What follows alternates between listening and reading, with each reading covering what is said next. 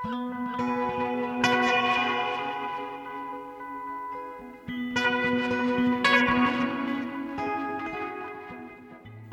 og sæl, kærlustendur.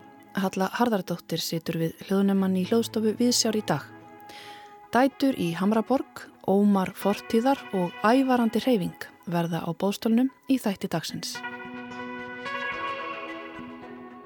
Við hugum að nýri myndlistarbók sem heitir Ævarandi Hreyfing og er síningaskrá fyrir síningu Sigurðar Guðjónssonar, myndlistarmanns á tvíarengnum í Fenegjum. Auður Jörnsdóttir, fórstuðumæður kynningamiðstöðar íslenskrar myndlistar, verður gestur þáttarins hér rétt á eftir. Ómar Fortíðar er ný plata sem Ómar Guðjónsson gaf út á dögunum og frumflutti á nýjafstæðinni Djassáttíð í Reykjavík. Ómar og félagar hans, Mattias Hemstokk og Tómas Jónsson, leika á plötunni Þekkt lög úr þjóðarsál Íslandinga í nýjum og óvæntum útsetningum þar sem að fetilgítar leikur aðalutverk. Við heyrum af sköpunarferlinu hér undir lokþáttar. Og um helgina fór fram í annaðsinn Hamraborgarfestival. Opnunarverk hátíðarinnar í ár var gjörningurinn Dætur eftir þær önnu Kolfinu Kúran og Elisabetu Byrtu Sveinsdóttur. Nína Hjálmarsdóttir segir okkur frá gjörningnum í Pissli dagsins. En við byrjum á því að heyra af nýri bók um ævarandi hreyfingu, myndlistarverk Sigurðar Guðjónssonar á Feneijar tvíjaringnum. Guðinu Tómasson tekur nú við.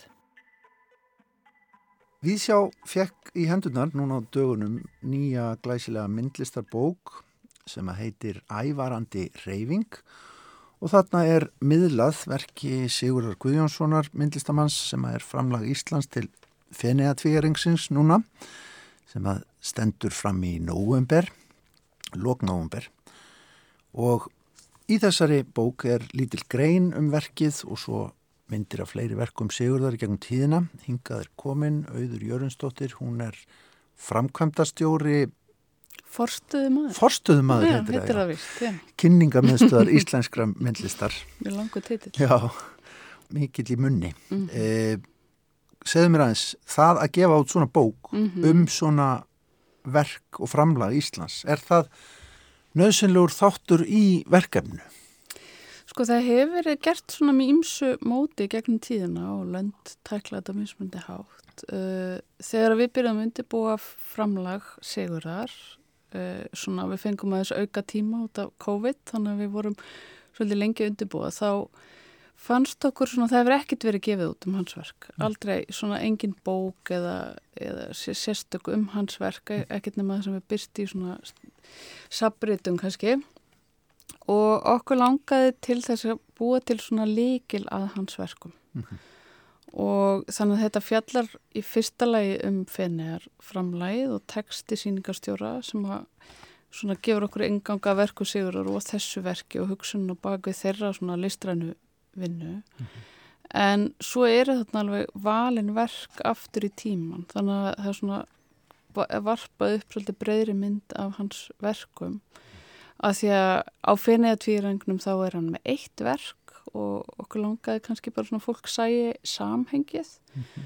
svo fengum við til liðs fyrir okkur listasab Reykjavíkur til að gefa bókin út, þannig að hún er bæði gefin út á íslensku og ennsku og verður líka svona hengist inn á síningu sem verður opna núna setnilutan í oktober annars verður listasabni Reykjavíkur í Hafnarhúsinu þar sem eru svona eldri verk sigurar og svo á sama tíma uh, eh, finnaverki sem eru opnað í berg í nýjum sál, stórum sál sem er eins og sérgerður fyrir finnaverkið. Mm. Það verður frábært að sjá það, að fá að sjá það hérna heima. En sko, þetta er kannski það sem gerir finniðar dold spes að, að þeir sem koma fyrir hönd þjóðasinnar, þeir eru sko ímist einhvern veginn nýsbrotnir upp á agrinum mm -hmm. eða heimsfrægir. Emmitt og allt, allt, allt þar á milli. Já, það og gerir þetta sérstaklega já og það er svona mis auðvitað, mikil, mikil þörf á því en við svona mátum það með sigur og það væri bara alveg komið tíma og að gefa út svona bók með útvíka hlutverk eða þannig mm -hmm. Þannig er text eftir Móniku Bello sem hefur náttúrulega staðið í ströngu já, það tekur tíma að koma fram framlægi Íslands þarna úti. Já, við unnum þetta svona mjög svolítið skemmtilega, mér fannst skemmtilegu móti að þessu sinni þar sem var síningarstjóri sem er svolítið svona breytt hugtak, fekk í raun að veru þessi ekki svolítið svona luxus hlutverk að vera bara listrætt síningastjóri og Mhm. hún þurfti ekki að vasast í praktískum málum, heldur sá við alfarið það og þau Sigurður og, og Mónika áttu í svona bara listrannu samtali við að móta verkið heil lengi. Millir landa og hittust og, og hún starfar við hérna CERN vísendamistöðinu CERN. Mitt. Sigur fór þangað að heimsækjana þannig að þetta var svona mjög frjótt samstarf og held að það var opnað svona upp einhverja nýja vinkla líka fyrir hann sem hann eftir að vinna úr. Þessar heimsóknir á menna, heldur að það hafi haft bein áhrif á, á útkomuna svo fyrir hann. svona leit út fyrir þá tímabili svo fór það bara í alltaf rátt sko en það var bara svona partur á ferðaleginu held ég hjá hann já. Það þarf, maður þarf að fara kannski nokkra svona kollsteipur og ringi í svona verkefni, svona já, ég held að það sé nú bara svona alltaf eðlilegt eðli leiksins. Já. Akkurat. En ef við hugsum um þetta svona sem svona dokument um þetta, menna, hún er á íslensku og ennsku þessi bók Mhm. og fer hún viða? Já, hún er gefin út af þýsku útgáðfélagi Distans sem hefur nú gefið svolítið að bókum út um myndlist og meðal annars bara íslenska myndlistamann Ragnar Róbertsdóttur og Birgi Andrisson núna síðast og þau eru náttúrulega með svona bara alþjóðlegt dreifi net Já. þannig að við setjum þetta svolítið í þeirra hendur og vonum þetta að hún farið sem víðast Það var semst á þeirra vegum sem þessi stóra glæsilega síningaskráfum Birgis kom út núna síðast í, sömar, fyrir árinu. Já, já, hún var í raun og verið svona unnin efnislega hérna heima og svo sett í hendunar útgáða businessin og náttúrulega daldi svona f- meiri framleiðsla heldur en áður. Þetta er sérhæfð vinna að- Já. standa að svona. Já. Hvað með hönnun á bókinni? Sko hönnunbókin er í höndum Studio Studio sem er, er hérna Arnar Freyr Guðmundsson og Birna Gerfinnsdóttir. Dóttir. Um, en þau gera í raun og veru og Arnar gerir, Arnar Sigur og ég svona stopnaðum okkar litlu rittnemnd og við vorum svona rittstjóra bókarinnar. Þannig að hö- hönnunin er algjörlega hans höndum Arnars um, en hann gerði svo miklu meira en það. Mynd, alveg svona myndriðstjórn og, og hugmyndafræðin baku alla bókina og, og svona var mjög dedikeraður í þessu verkefni. Nú var síningin út í fenniðum opnuð 23. apríl og hún endar 27. november. Um, svona þegar að þe- þegar að í, á verkefnu stendur einhvern veginn. Mm Sko, er, er þú endalust eða þið að velta fyrir ykkur vegna að svo langur tími hvernig gangi eða er, er það einhvern veginn orðin hvernig er tilfinningin fyrir verkefnu svona og meðan bara bínalinn mallar þarna úti í róleitum Það er aldrei góð spurning. Ég fór einmitt og kíkti núna um daginn og það var svona pínu, allt í hennu tengdist maður svolítið betur aftur. Það er auðvitað svona, þessi fyrstu opnunu vik, vikan er svona, þar fer fólk í bransanum og þar eru allir fjölmiðlarnir og það er svona allir sirkusin og hasarinn. Og svo verður þetta svolítið svona eðlilegt bara eins og síning og safni það sem er bara stanslust flæða fólki, meir bara almenni gestir og, og fjölskyldur og, og bara þannig að jú, jú, við erum auðvitað með starfsfólki í skálanum allan tíman, íslenskt og, og eða, eða fólk frá Íslandi sem í skiptinum, bæði íslenskur elendi nefnundur frá listaháskólanum og úr listfræði og ýmsum og list heimsbyggi, sapnafræði, þannig að fólk er að fá svona mjög ánætt með þessa reynslu að fá að vera þar og við erum í miklu sambandi við þessa nefnendur mm -hmm. Þau hafa verið að skrifa greinar um bínalinn og ætla nú eitthvað að taka til máls hér held ég. Já, Já. ég held að sé allavega tveir eða þrýr pistlar búin að uh, hvað kom í tengjavagninu já, já, í sumar, já, Já. akkurat. En hérna tilfinningin samt einhvern veginn sko fyrir, fyrir svona verkefni mm uh, hvernig er það gert upp? Hverjir eru mælikvararnir, hvernig gekk svona þegar að afist uppi staðið Það er bara mjög góð spurning. Svona eða það sem við erum með svona alveg hendi er auðvitað fjölmjöla umfjöldum mm -hmm. og það er svona og hún hefur verið góð Já, og, og bara fengið mjög mikla aðtegli og svo fáum við bara skýrslur, bókstallega skýrslur um það í Já. lokin Já. við vinnum bara með fjölmjöla fyrirtæki og bara gaggrinni og hvað hefur byrst og svo tökum við það allt saman Mm. og það er svona ákveðin mælikvarði svo reynum við bara veist líka að stinga fingur upp í loftið og taka púlsinn og, og svona og við kannski gerum þetta upp bara svona í desember þegar maður er komið með heldarmyndina en svo er þetta líka svo stórt verkefni að fyrsta verkefni mitt þegar ég kom heima á opnunu vikunni var að byrja ferli fyrir val á næsta. Já. Þannig Þetta er bara hringja ekki. að maður er alltaf komin í næsta, þú veist, er að, Akkurat. Þannig. Ef við hugsaum aðeins meira svona um, hvað maður segja, útrás íslenskra myndlistar, þú varst að koma frá Kaupmannahöfn, Mm uh, varst þar á listmessu mikill eða ekki? Jó, tjart í Kaupanöfn sem var haldið núna í tíundarsinn.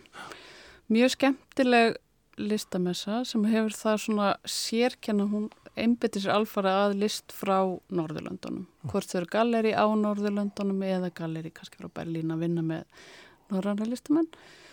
Og hún er svolítið lítil, haldin í Charlottenborg við Nýhöfn Einmitt. og er svona kannski svolítið ólistamessulega því leiti að það er svona ekki básar heldur þetta er svona meira eins og síning Já. og þarna koma saman einhverju tíu galeri, ég man nú ekki nákvæmlega hvað um, en það sem er kannski merkilegt er að núna voru fjögur galeri Já. að taka þátt, Þula Hverfisgaleri Berg og E8 og Prent og Vinir hérna bókverkafólagi tók þátt í svona bókamessu sem er svona hliðarviðbyrður, listbókamessu.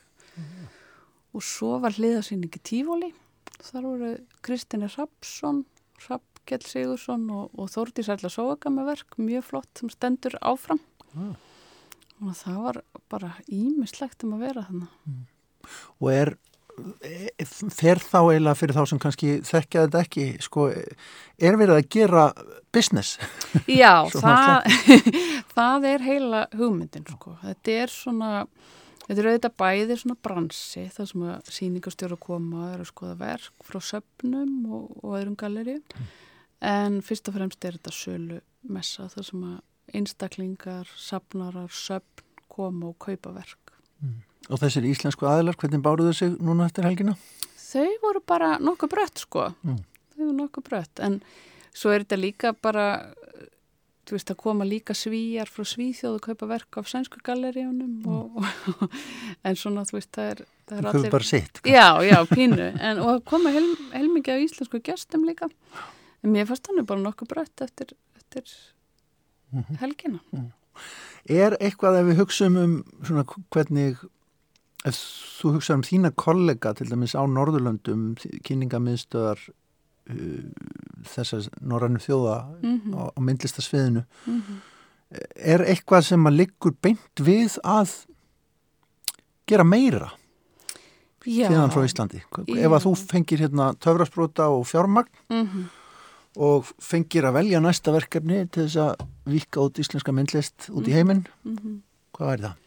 Ég myndi bara fyrst og fremst til að sjá að við getum sko veitt beinan peningastuðning eða, eða afsletti eða eitthvað í, í útflutninga myndlist. Mm. Þess að uh, það eru við erum með fínan myndlistasjóð sem að má auðvitað alltaf gera betur með en það sem við höfum ekki og ornu Norrlund hafa er útflutningsstyrkur. Það sem að galleri og ekki síst listamannreikin rými geta fengið og jafnvel listamenn geta fengið styrki til að taka þátt í kaupstefnum eða síningum á alþjóða vettvangi og við eigum ekki alveg nógu gott net utan um það. Nei. En það er nú svona, það er verið að vinna í málinu. Og það eru þetta fullt af messum, fullt af svona slíkum Já. viðbörðum sem var óplæður akkur. Mm Mm. Og það þýrti kannski ekki að styðja allt en bara, þú veist, í raun og veru var hægt að velja bara einhver, taka það, Já. velja einhver fag, svona, það sem er helstur á fagvettvangi og, og styðja við það. Og ég held að það myndi hjálpa öllum, listamannunum og galeríunum og styðja allt umhverfið hérna heima líka. Mm. Af því við þurfum að fara út. Þetta er svo lítill markaður. Og það er bara, færi þá í far, formlegt og faglegt umsóknarferli eins og annað. Já, en þetta er í raun og veru svona eitt af þeim atriðum sem eru í hérna nýri myndlistastefnu sem okkur kynna vonandi á dögunum, það er svona allt búið í ferli að vinna í þessu máli, þetta er svona eitt punktur þar. Einmitt. Við heyrðum nú af nýri tónlistastöfnu í síðustu viku hérna í Víðsjá sem er verið að kynna í samráði. Það er verið að skoða þessi listsvið, mm Mhm. meira og minna núna Mhm. og, gott, og gott að vita því. En auður Jörnarsdóttir, takk kærlega fyrir að koma sér ykkur frá þessari bók aðalega og, og, og hérna auðvitað síningunni í fenum ef Íslendingar eru að fara að svæti annarkvort í fenum þá er náttúrulega að fara þeir í íslenska skálan og svo er líka hægt að fara í Kaupmannhöfn og það er svo smögt að sjá íslenska myndlist viðar út það farið. Auður, takk kærlega fyrir spjallið. Takk sem er leiðis. Það var Guðni Tómasson sem spjallaði hér við auði Jörundstóttur um ævarandi reyfingu, nýja bók sem út er komin í íslenskri og ennskri útgafu og sem er síningaskrá á framlægi Íslands og Sigurdar Guðjónssonar á myndlistar tvíaringnum í Fenegjum. Og frá Fenegjum höldum við í Hamraborgina. Í gær laug Hamraborg Festival, menningaráttið sem nú var haldinn í annað sinn. Nína Hjalmarsdóttir, leikúsinni við sér, tekur nú við, en hún sá opnunarverk hátíðarinnar. Gjörningin Dætur eftir þær önnu Kolfinu Kúran og Elisabetu Byrtu Sveinsdóttur. Hamraborgin rýs há og fögur og minnir á ástir og álfasögur. Þessi lína er að vísu ekki saman um Hamraborgina í Kópavogi en hún fangar samt ágætlega tilfinningar mínar til hennar þar sem ég eitti ríkum hluta æskunar. Við sem ólumst upp í Hamraborginni í kringum aldamótin og þá meina ég fórum í tónlistaskóla Kópavogs og hengum á bókasafninu og náttúrufræði stofunni með sjávardýranum og tarantúlunni. Við tengjumst einhverjum órjúvanlegum böndum. Þegar þessi sameinlegi bakgrunnur afhjúpast í samtali eru orð óþörf við skiljum hvert annað. Hamraborgin mótaði okkur. Við þrömmuðum í bakaríið gegnum Malbyggs höllina og vindkviðurnar í gatinu millir hljómfræði og hljóðfæratíma. Við munum eftir kynferðislega graffitíinu í undurgöngunum að blindra félaginu og lyktinni inni í risastóra strætóskílinu. Við urðum vittnið að því þegar byggt var yfir hraðbröðina og reynd að búa til torg sem varð svo ekkert nema Malbyggs klumpur sem enginn sest við. Á úlingsárunum fór ég á mín fyrstu fylleri á kaffi Katalínu og svo starfaði ég í henni merku stopnun Vídeomarkanum þar sem ég seldi lottomiða og tæmdi öskubakka við spilakassana í kjallaranum, eignaðist vini á öllum aldri og horfi á kvikmynd eftir kvikmynd með öðrum bólugröfnum úlingum meðan við upplifðum saman dauða vídeolegunar.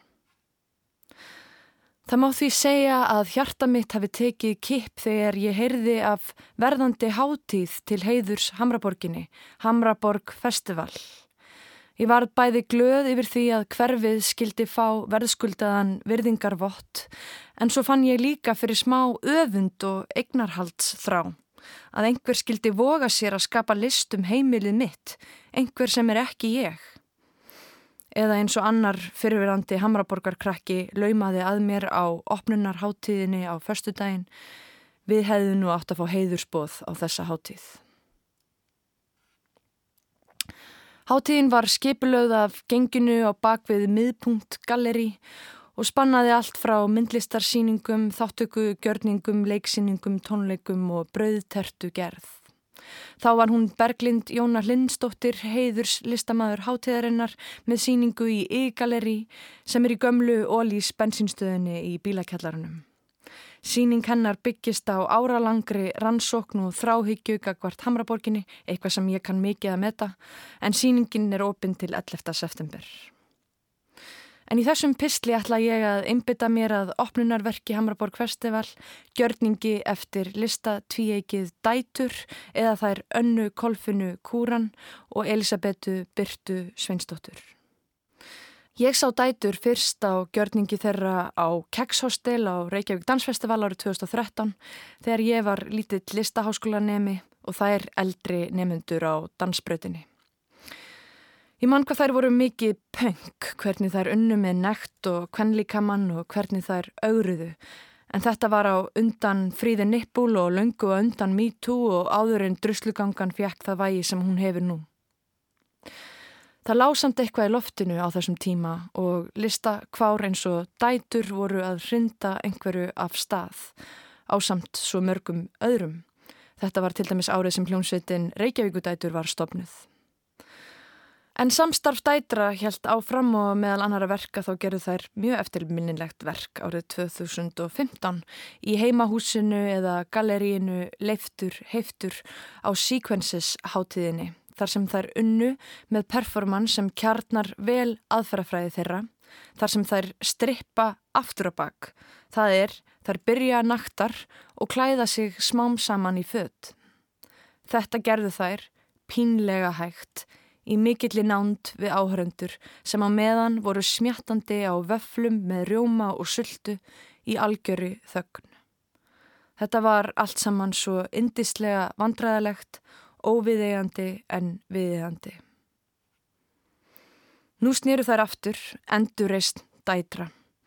Sviðið var bílahúsið á bakvið gamla ólís þar sem áhörundur söpnuðu saman í sumarsólinni við bæjarins bestu vagn sem var leiður fyrir tilefnið. Þannig þetta skiptið smjöttuðu gestir á pulsum en ekki vöflum. Á Malbygginu lágu dukkulísur af Önnu Kolfinu og Elisabetu Byrtu í engu nema efu klæðunum, skreittar gulum og rauðum rósum. Á milli áhörenda stóð hópur af ungu fólki af öllum kynjum, öll ber að ofan, sum með öllar lambús hættur að rappa sín á milli eins og ekkert væri eðlilegra. Við og við hlupu Anna Kolfina og Elisabeth Birta til okkar. Fyrst kviknaktar en smám saman bættu þær á sig fötum og uppskáru fagnadarlæti berbrösta fólksins.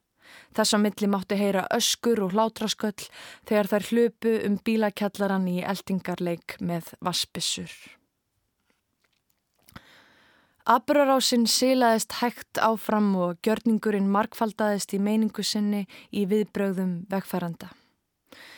Hinnum megin við bílastæðið er nefnilega samkomi hús eldri borgara í Kópói og á einum tímapunkti gekk aldrað par yfir sviðið meðan Elisabeth Birta var að klæða sig hægt í nærbygsunar.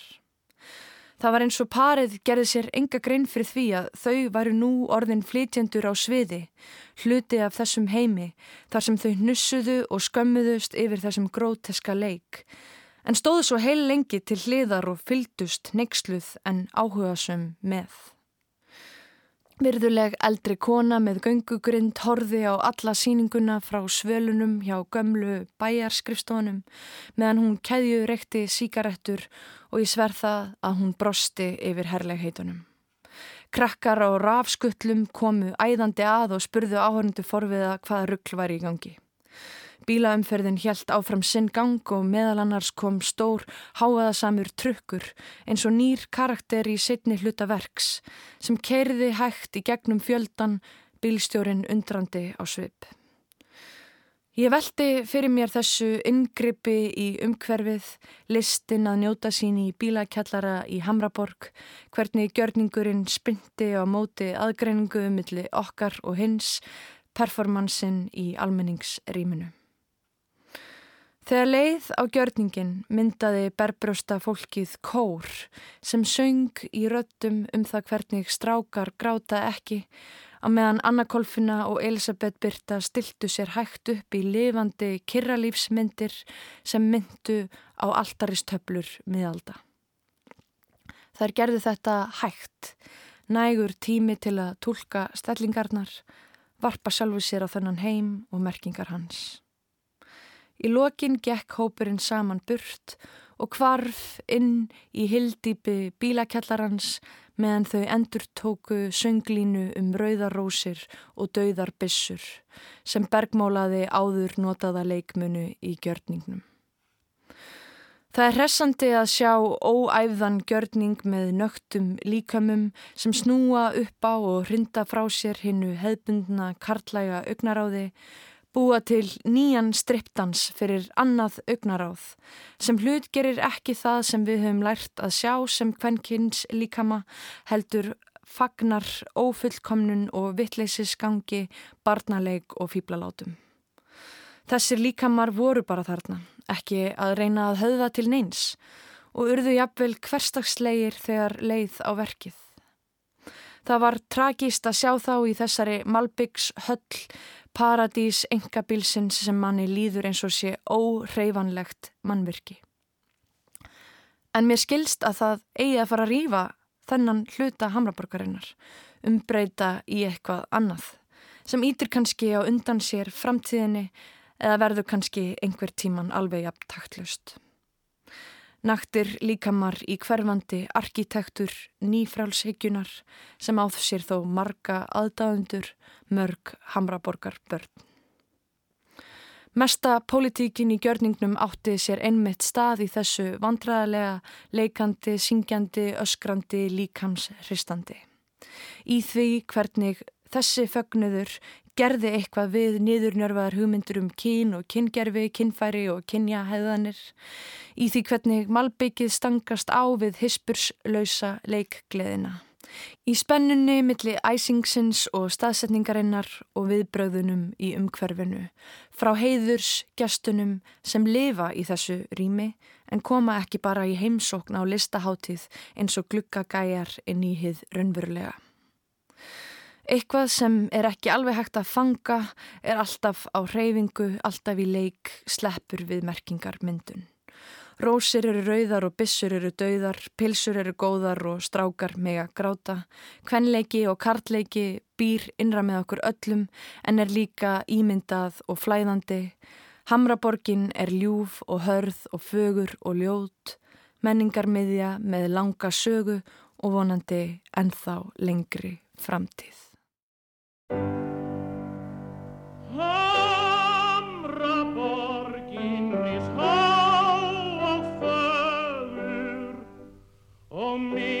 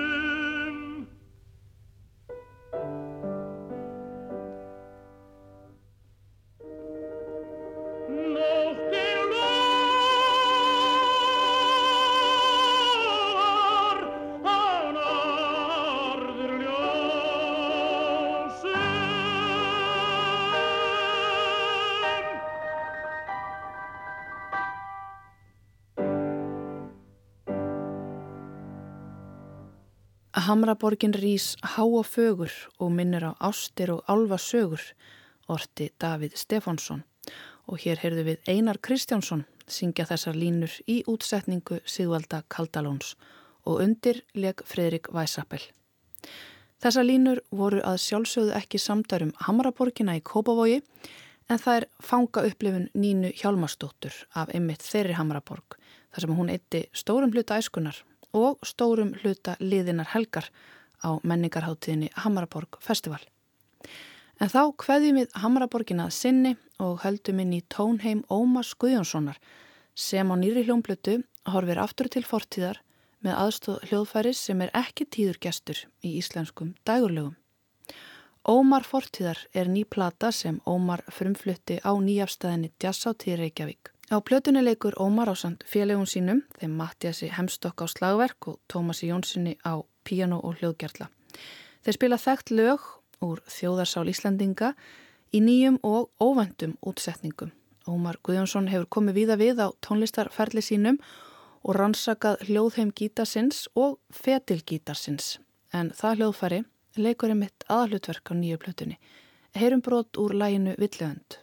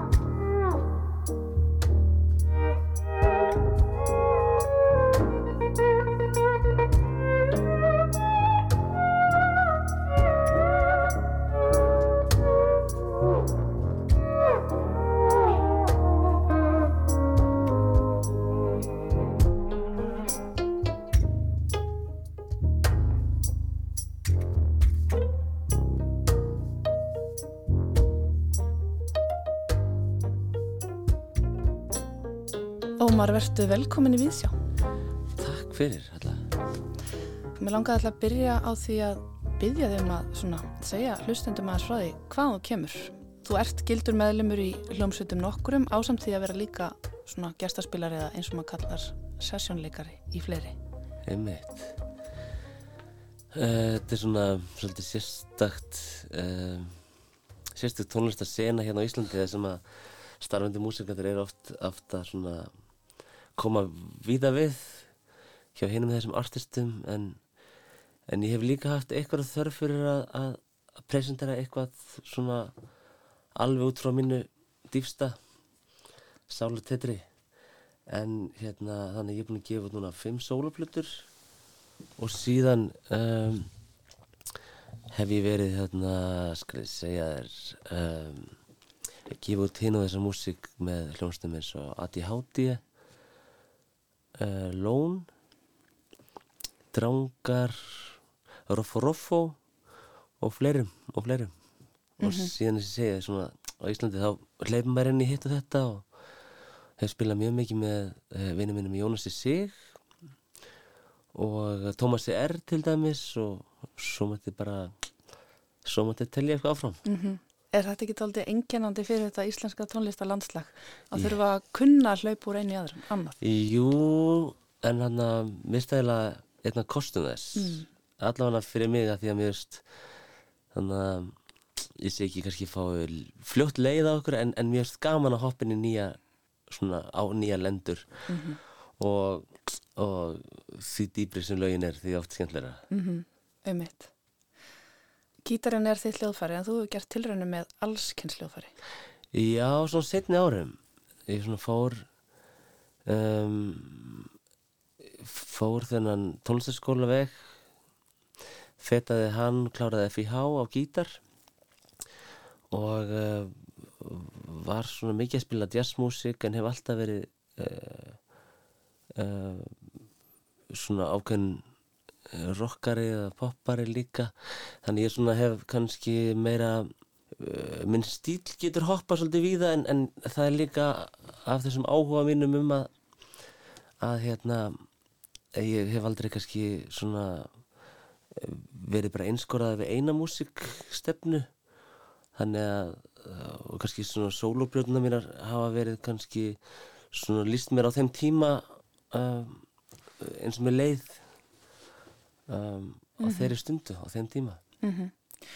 Og er Ómar fortíðar þannig plata? Lýsir hún þér eins og líður á þessari stundu? Já, eins og með leið þegar ég var að hérna, taka hann upp og, en hún var svolítið lengi bíkjær ég, ég byrjaði að hérna, byrjaði að hérna, vera skotin í e, þessu hljóðfæri sem heitir pedalstíl einhver hefur kallað þetta fetilgítar á íslensku en hérna, sem er ágættis orð þetta er svona hljóðfæri sem að lítur út eins og gítar á borði þannig að tíu strengja gítar. Um, en hann er uh, þú ert með svona sívaling, stálsívaling á, á, á slætt á vinstri hend og síðanstu með uh, neglur sem setur á puttanaður á, á hægri hend en síðan stjórnar er mikið líka með löpunum þannig að þú ítir streng með njánum og, og hérna svona fótstegum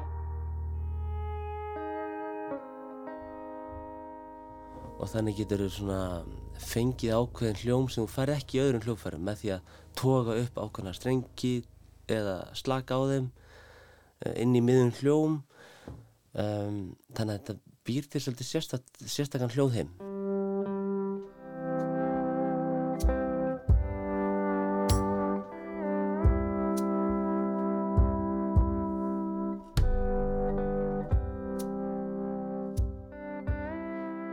ég var svona búin að uh, búin að vita þessi hljóðfæri lengi og búin að hlusta á það síðan, síðan var ákveðin svona maður sem að kendi mér að þetta hljóðfæri geti bara verið í alls konar músík og, og hérna og þá fór ég að hlusta á þetta hljóðfæri og svona uh, öðruvísi. Þannig að þetta sé ekki bara kánt að þetta er svolítið þekkt í, í svona uh, country músík. Og uh, allt í hennu kom hann að maður sem bara byrjaði að nota þetta í eitthvað svona eitthvað svona experimental músík, mm -hmm. tilhörnamúsík og, og nota þetta þá meira sem eitthvað svona, svona heim af hljóði og þá fatt að ég, þetta getur verið alls konar þá svona uh, fór ég að reyna nálgast uh, þetta hljóðfæri það, það er ekki svona það er ekki alveg plug and play að, ná sér í það. Sérstaklega að, að þau eru mjög misjöfn hvaða nýje lækkar hvað og hvaða fótstík hækkar hvað og, og það er framöndið göttunum þannig að það var ákveðin típa sem ég langaði í.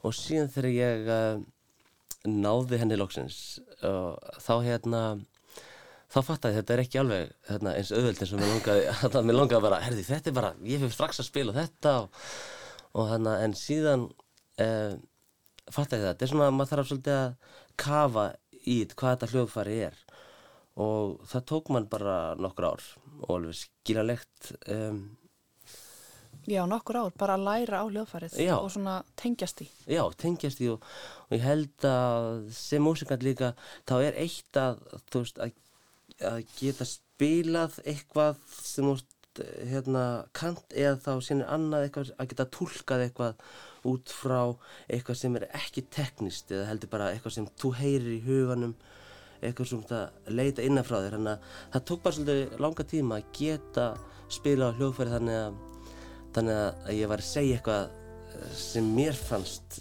eitthvað að viti, mm -hmm. eitthvað út frá mínu hjarta.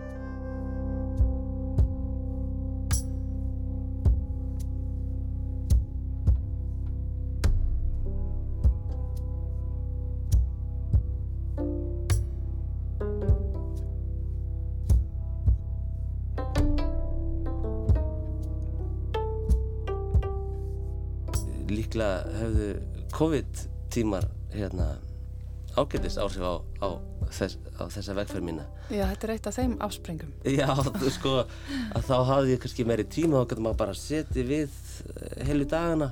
Já.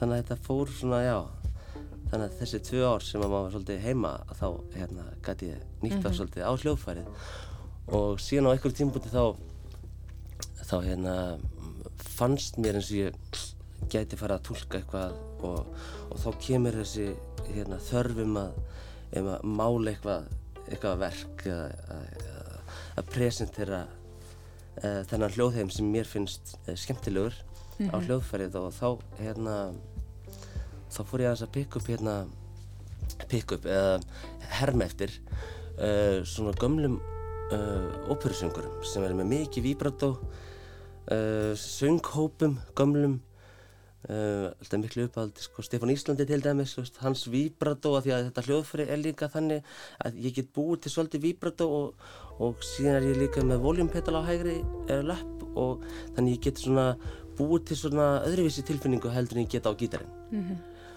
og fór hans að stúdira þessar gömlu íslensku uh, söngu og útsetja þessi gömlu íslensku lög og útsetja þau á þetta hljóðfæri og mér fannst ég verið að koma eitthvað þannig að mér langaði að fara uh, mála verkið og þá, langa, þá var ég svolítið tíma líka að finna út hvað uh, hvernig, plat, hvernig kljómburinn á plötur átt að vera, hvað mannskapur og fleiri þar fram til gotunum og var mjög lengi mm. með mikið margar hugmyndir og síðan vaknaði ég bara í daginn með með það að mér langaði að hafa öll hljóðaplötunni stutt uh, sagt, þannig að slagverk eða eða hljómborð eða langaði bara í stutt að tóna á móti þessi líðandi tónum í hljóðfærinu. Mm -hmm. sem varð svo hérna, enda niðurstaðan. Hann ég fekk uh, Mattias Hemstokk uh, á slagverk og hérna og Tómas Jónsson á uh, piano og svona hljóðgerðla. En það var svona, við vorum í smó stund að finna út í þannig að við endum að teipa alla strengina á píanónu þannig að það endaði sem sko stuttitónar þannig að strenginni lifiðu aldrei. Þannig að við bara gaffateipiðum svona upprættíuna sem ég er með heima. Og það var enda niðurstað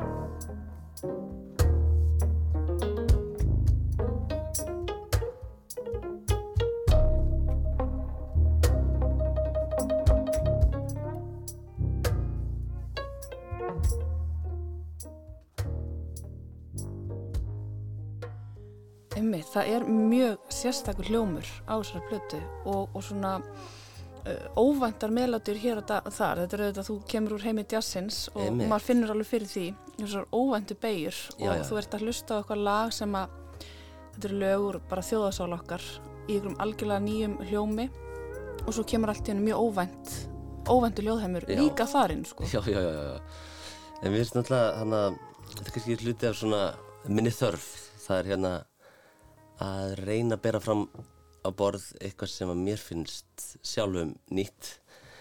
En eh, einmitt og sem að kemur að einhverju leita óvart og fyrir mig líka sko þannig að, þannig að það er í raun og verið þegar við byrjum til dæmis að taka þetta upp að þá eru svona opnir kablar þannig að við erum með melodíu og við þurfum að byrja að verða einhverju henni og, og, og laga smíð en síðan aftur á móti eh, er option um að opna uh, lægið og stundum gerist það bara skemmtilega þannig, en þetta er eitthvað sem gerir svolítið á mómentinu. Mm -hmm. Þannig að það er spunnið þannig líka. Já, það er spunnið. Já, einmitt, þetta eru mjög skemmtilegar útsetningar. En Takk fyrir það Og þessi, þessi lög sem sagt, þau komu til þín bara út frá þessari, þessum leik með þetta hljóðfæri.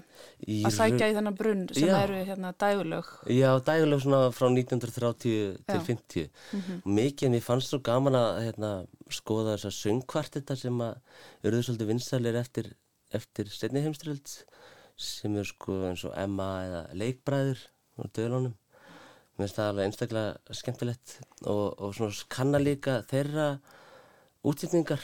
Þú veist hvernig, hvaða rattir er að fara upp og, og, og, hvernig þeir díla við hljóma.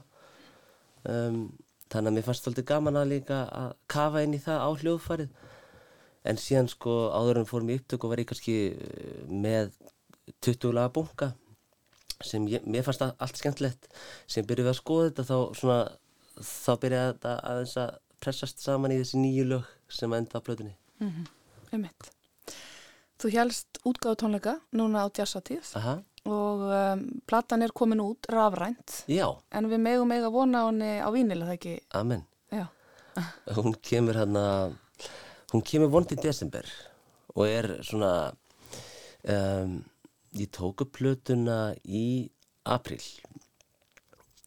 um, og síðan tók við svona eitthvað svona tók við bara svona uh, ferlið að hljóðblanda plötuna og uh, þannig að það tekur alltaf svolítið tíma og síðan til að því og, og komin í masteringu að þá uh, bauðst mér að spila útgáðtónleika núna í ágúst og ég fatt að sko að ég erði líklega, væri orðin á sett til að geta gefið út sko fysikal plötu það er nefnilega smá byggð í það og sérstaklega þessi dag, dagana. Mm -hmm. þannig ég ágaði hérna þykja bóðum jazzartíð og gefa hann út uh, digital sagt, uh, fyrir jazzartíðina og uh, og síðan kemur hún í desember sérst á Vínil og ég er með svona Karolina Fund hérna á netinu og þannig að ég er búin að selja slattaðinu þar og, og líka fólk sem hefur bara pantað hjá mér fyrir ennum mhm. Facebook eða eitthvað